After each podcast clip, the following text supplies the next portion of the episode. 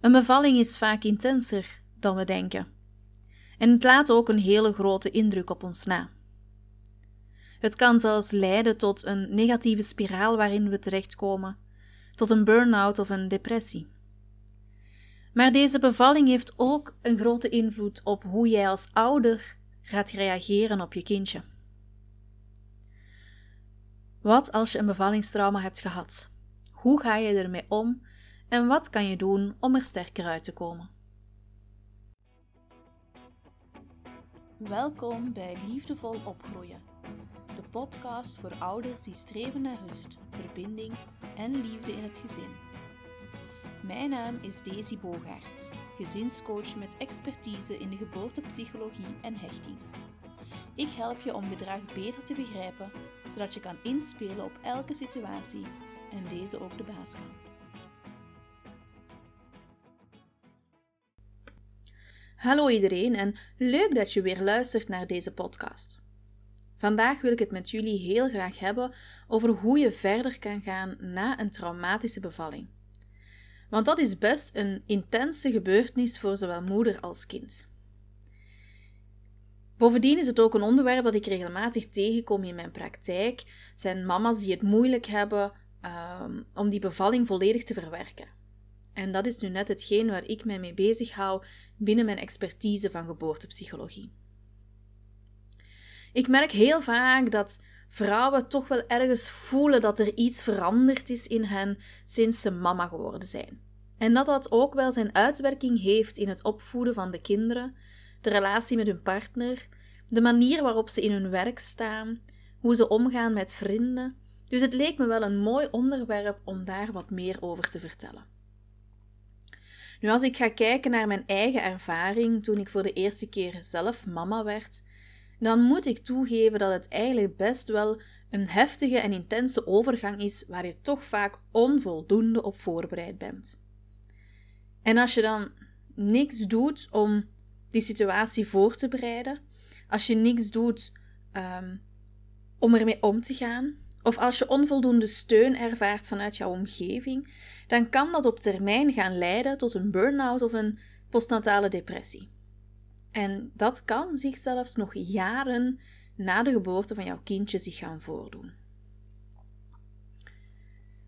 Heel vaak gaan we onbewust die nare gevoelens die je voelt, die je weer terugbrengen aan dat moment en die herinnering, die gaan we proberen te onderdrukken.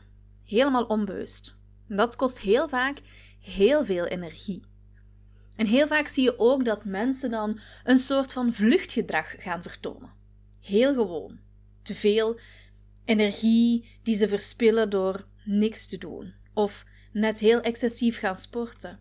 Of bijzonder hard gaan werken, waardoor ze eigenlijk de pijn en die gevoelens weer kunnen gaan uitsluiten. Daarbovenop hebben we heel vaak al een drukke dag gehad op het werk.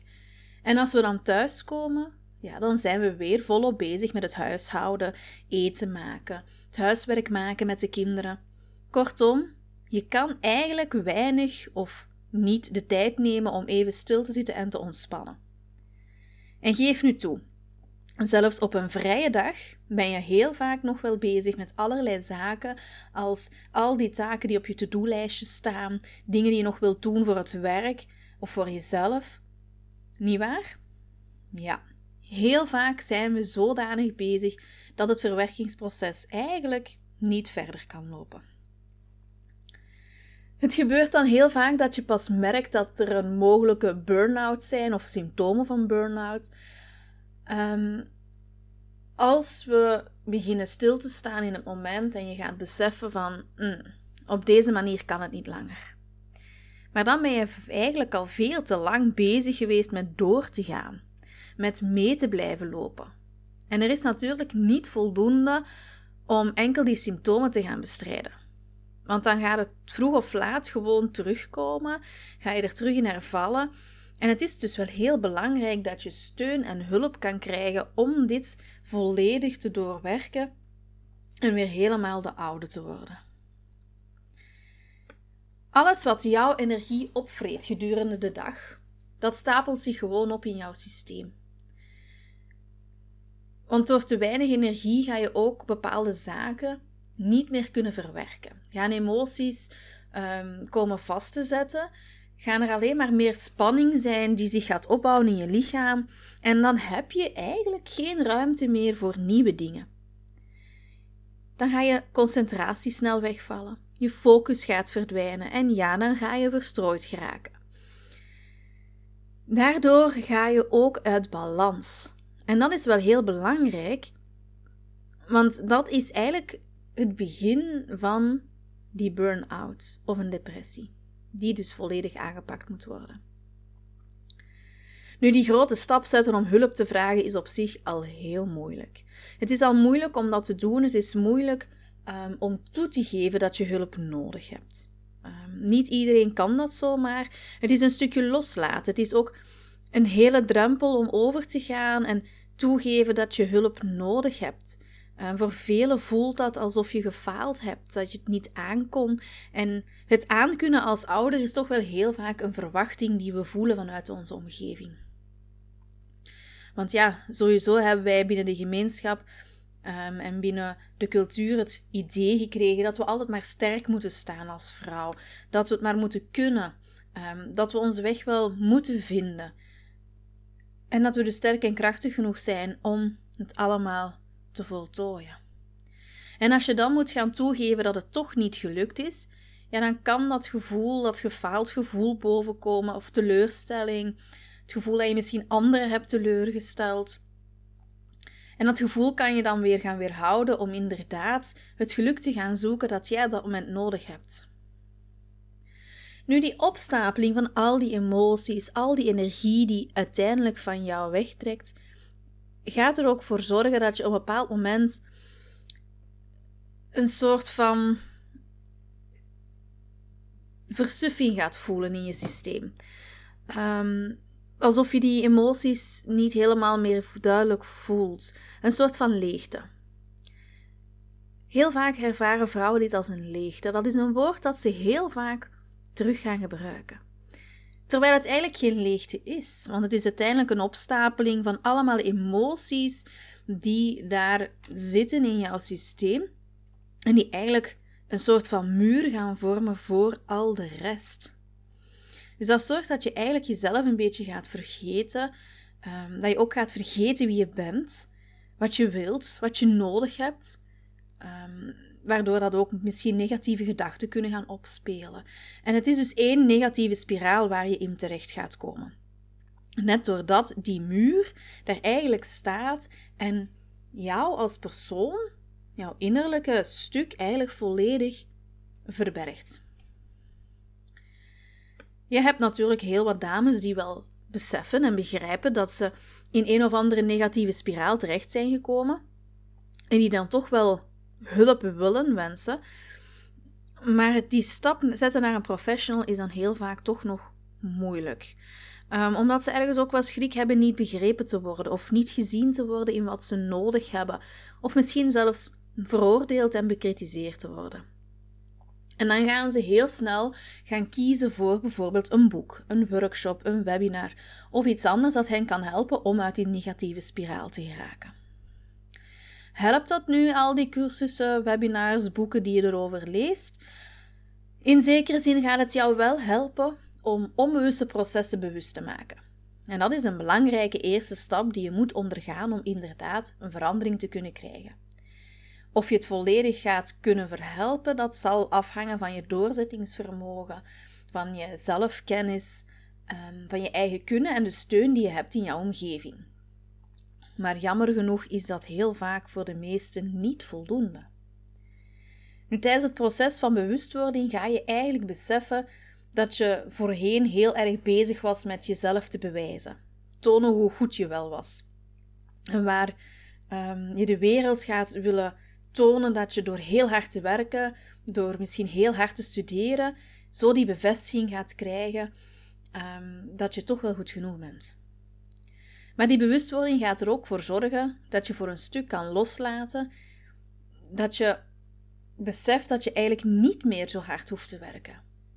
Niet meer zo hard hoeft te studeren om geliefd te zijn, om erbij te mogen horen. En dat je eigenlijk gewoon jezelf kan zijn, Zowel in je huissituatie als in je job, als in familie, in je gezin, eender waar. Want dat is wat elke basisbehoefte eigenlijk is. Dat is 100% jezelf kunnen zijn zonder persoonlijke kritiek te krijgen. Het is ook een proces waarin jij je bewust moet worden van de keuzes die je gaat maken. Keuzes gebaseerd op wat jij nodig hebt, op jouw behoeftes. Wat voor jou belangrijk is. Wat heb jij echt nodig op dit moment om je weer goed te voelen in je vel? Niet wat heb jij nodig om te zorgen dat anderen jou gaan appreciëren. Want dan ga je jezelf weer in dat vergeethoekje stoppen. Wat zijn de zaken die je leuk en fijn vindt? Ehm, zaken die voor jou echt ertoe doen. En dan kan het zijn dat je nu zaken gaat aanhalen die op een bepaald moment voor jou noodzakelijk leken, die nu eerder luxe gaan zijn. Zaken die je eigenlijk niet nodig hebt om gelukkig te zijn. Dat waren op dat moment waarschijnlijk zaken die jij ging gebruiken om een bepaalde leegte op te vullen. Die leegte van zelfliefde. Dus dat tekort heb je opgevuld met materiaal of met andere zaken. En eens jij in dat bewustwordingsproces kan zitten, dan ga je ook anders gaan kijken naar die zaken. Ga je anders gaan kijken naar de mensen om je heen. En ga je helemaal anders gaan kijken naar jezelf. Je gaat ontdekken welke zaken jou echt gelukkig maken.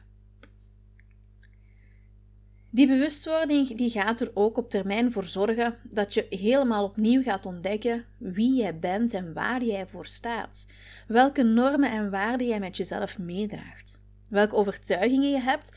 En die overtuigingen over jezelf, die ga je volledig terug gaan herontdekken. Je gaat je eigenlijk teruggecatapulteerd worden naar je jeugd, waar dat jij nog onbezonnen was en niet echt inzat met de meningen van anderen. Maar heel vaak is dat ook wel een nodig stukje om te zorgen dat je inderdaad terug dat gevoel gaat krijgen van geluk en zaligheid. Heel vaak merken we dat die bepaalde overtuiging die je hebt meegekregen vanuit je bevalling, ook heel vaak is dat je het als moeder dan eigenlijk al gefaald hebt. Nog voor je echt 100% moeder kon zijn, was je eigenlijk al gefaald in het ouderschap. En dat is een hele diepe overtuiging die eigenlijk heel hard vast kan roesten in je systeem. Die houdt je tegen, die remt je af, waarbij je dus ook bepaalde mogelijkheden niet langer gaat zien. Um, hoe komt dat nu? Wel, heel vaak verliezen wij tijdens die bevalling alle controle. Wij laten alles een beetje op zijn beloop, omdat we er bewust voor kiezen om in het ziekenhuis um, te bevallen. En we geven dan eigenlijk alle controle in de handen van het medische team. En op zich is het goed dat je kan vertrouwen op dat medische team. Um, alleen geven we onszelf niet langer het vertrouwen dat we het wel gaan aankunnen. Want als vrouw zit er diep in ons een hele diepe oerkracht om een bevalling volledig door te maken zoals de natuur het bedoeld heeft. En die natuur heeft ook heel veel wonderbaarlijke zaken voorzien om te zorgen dat je als vrouw het volledig aan kan op je eigen gevoel, je eigen intuïtie. En er is dan zo'n mooie samenwerking van jouw lichaam met al die hormonen die vrijkomen om jou te ondersteunen. Maar door dat vertrouwen dat we in onszelf kwijt zijn, merken we heel vaak dat bij een ziekenhuisbevalling dat we die controle dus gaan afgeven aan de personen voor ons in het medische team. Zij gaan dan eigenlijk beslissingen voor ons gaan maken. Of als zij een voorstel doen, gaan we hem dan toch volgen in hun voorstel, omdat we ervan uitgaan dat zij met hun kennis die ze opgedaan hebben in een opleiding wel gaan weten wat ze moeten doen. Nu, tijdens een bevalling zijn er zoveel zaken die gebeuren die je niet verwacht had, die je niet voor ogen had, waardoor je dus een beetje overdonderd kan geraken. En heel vaak als je zo die overdondering voelt, die paniek misschien een beetje voelt, dan kan dat gevoel van teleurstelling wel komen. Want stel dat jij jezelf had voorgenomen te bevallen zonder verdoving en uiteindelijk blijkt dat die weeën toch te intens waren en je kiest dan toch voor een epidurale verdoving, dan kan het zijn dat je jezelf daar al meteen gefaald voelt. loopt de gewone bevalling uit in een spoedkeizersnede, kan dat gevoel ook gaan opkomen. Ook al ben je misschien heel rationeel, toch kan dat gevoel zich gaan vastzetten in jouw systeem. Alle twijfels die je dan krijgt, alle gevoelens die daarmee gepaard zijn, die gaan ervoor zorgen dat dat zich gaat vastzetten, dat trauma, in plaats van volledig verwerkt te worden. Daarbovenop komt dat we dan heel vaak na de bevalling in een aparte kamer liggen met ons kindje. Um, dat je eigenlijk fysiek en mentaal enorm veel nood hebt aan rust, net zoals je kleintje.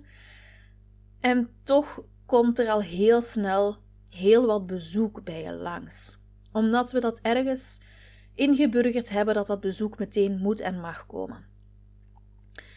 Nu, door dat bezoek, dat heel vaak te snel aanwezig is, krijgen we amper de kans om te recupereren van alles wat er gebeurd is, waardoor we eigenlijk heel het verwerkingsproces op pauze gaan zetten. En de mensen die komen dan binnen bij jou in de, in de kamer, en die zijn natuurlijk helemaal verliefd op dat kleine wezentje dat jij op de wereld hebt gebracht. Ze feliciteren jou, ze zijn vol enthousiasme, iedereen is vrolijk en gelukkig. Iedereen geniet van dat kleine schattige snoetje te zien, maar heel vaak wordt er op dat moment vergeten dat ook jij een heel intense en heftige periode hebt meegemaakt tijdens die bevalling. Dat jij een rollercoaster van emoties hebt gezien. Dat je moe bent, uitgeput bent, misschien wel onverdonderd bent door alles wat er gebeurd is. En toch geven we heel vaak niet zomaar toe en zeggen we dat alles wel best oké is. En doordat ook de omstaanders dan weinig oog hebben voor jouw vermoeidheid, jouw uitputting en hetgene dat je net hebt meegemaakt, plus dat jij het dan nog eens aan de kant schuift en alle aandacht naar dat kleintje gaat, wat begrijpelijk is, ga je eigenlijk dat verwerkingsproces on hold zetten. Je wordt als het ware met terug, terug in het leven gegooid. Je krijgt amper de tijd om te rusten, om het een plaats te geven, waardoor dus heel die verwerking meerdere jaren nodig heeft om uiteindelijk elke dag met hele kleine beetjes ingewerkt te geraken. Maar omdat jouw verwerkingsproces zo lang duurt en er weer heel wat andere situaties zich aandienen doorheen de, de dagen, gaat jouw systeem eigenlijk overbelast geraken. Omdat het eigenlijk onvoldoende verwerkingsmomenten heeft gehad, um, of doordat er weer andere emoties en situaties erbij gekomen zijn, of die bepaalde emoties van de bevalling terug gaan oproepen, kan het zijn dat we dus volledig gaan wegleiden in die negatieve spiraal. Want jouw systeem raakt overbelast, uh, maakt kortsluiting, en dan kan het niet meer functioneren zoals het moet. En dan functioneer jij natuurlijk ook niet meer. Want elke vrouw zou na de bevalling echt een aantal dagen rust moeten kunnen krijgen. Tijd nemen om te rusten. Tijd nemen om um, te wennen aan het moederschap. Wennen aan dat nieuwe ritme. Aan dat nieuwe kleine wonderbaarlijke kindje naast jou. Zodat je dat eerst dat ritme kan eigen maken en jouw kindje volledig kan leren kennen. Dat we eigenlijk de durf zouden hebben om nee te zeggen tegen mensen. Dat ze eventjes moeten wachten zodat jij kan recupereren. Zodat je kan stilstaan bij jouw eigen ervaring tijdens de bevalling. En het is niet omdat de hulpverleners zeggen van oh ja, jouw bevalling is best wel vlot verlopen en goed gegaan, dat het voor jou ook zo gevoeld heeft. Misschien was het voor jou wel veel intenser, veel heftiger en veel dramatischer dan het medische team vertelt. Ook al zeggen ze dat het goed verlopen is, ga eens na hoe jij het ervaren hebt. En leg dat verhaal eens voor jezelf open of schrijf het een keertje uit. Wat heeft je partner gezien? Wat heeft die ervaren? Wat heeft die gevoeld en gezien dat jij misschien op een andere manier hebt ervaren? Ga er eens over met elkaar in gesprek. Dat alleen al kan helpen om dat verwerkingsproces volledig in gang te zetten en te zorgen dat dat echt volledig uit jouw systeem kan geraken. Dat die emoties kunnen rust krijgen. Dat die later niet meer naar boven hoeven te komen als alarmsignaal. Zodat je echt dat verwerkingsproces kan voltooien. Dat je kan weten welke behoefte er niet vervuld was, zodat je dat niet gaat moeten overcompenseren. Wanneer werd het tegen jouw gevoel ingegaan? Dat proces van bewustwording begint al daar. Geef jezelf de tijd. Want zo'n verwerkingsproces gaat natuurlijk niet op één of twee dagen plots weg zijn. Dat heeft soms weken of zelfs maanden nodig om dat plekje te krijgen. Zeker als je er al een aantal jaren mee rondloopt. Heb je na een paar maanden toch nog altijd last van die negatieve gevoelens, ondanks dat je toch wat rust neemt en er wat vaker bij stilstaat, is het altijd een goed idee om eens langs te gaan bij iemand die jou kan ondersteunen als professional, om dat verwerkingsproces verder aan te scherpen. Herken je nu al heel veel zaken die ik verteld heb? Is het ook altijd wel aangeraden om iemand aan te spreken, een ervaren coach of therapeut die jou hier op een efficiënte manier vanaf kan helpen van dat trauma. Want hoe sneller je ervan afgeraakt, hoe minder dat het zich gaat vastroesten natuurlijk. Hoe sneller jij jezelf kan zijn, hoe sneller jij terug dat vertrouwen krijgt in jezelf, dat geloof in jezelf, hoe meer invloed dat je ook gaat uiten naar je kind toe. Want dan ga je anders staan in de opvoeding. Ga je geduldiger kunnen zijn? Ga je liefdevoller kunnen zijn? Ga je responsiever kunnen zijn naar je kind toe? Dus ga je ook een heel ander gevoel gaan meegeven naar je kinderen, naar je partner, misschien wel naar collega's en vrienden. Dus ga zeker aan de slag met jouw bevalling, met de ervaring die je hebt meegemaakt. Zeker als je voelt dat je niet helemaal lekker in je vel zit. Heb je nog vragen? Stuur me dan zeker een mailtje op info@coachingdelotus.be. Volg me ook gerust op Facebook, want daar stuur ik ook heel veel informatie en tips over gedrag en over uh, alles wat er achter dat gedrag schuilt. Ook over dit onderwerp en nog zoveel andere zaken die met gedrag en opvoeden te maken hebben.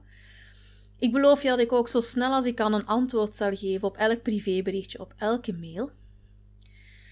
Ken je eventueel nog ouders die mogelijk ook een trauma hebben opgelopen, het moeilijk hebben sinds ze ouder zijn? Stuur dan gerust de link van de podcast even door, um, zodat hij het ook kan horen en misschien wel heel veel steun uit kan halen. Ik wil je heel hartelijk bedanken voor je aandacht en voor je vertrouwen.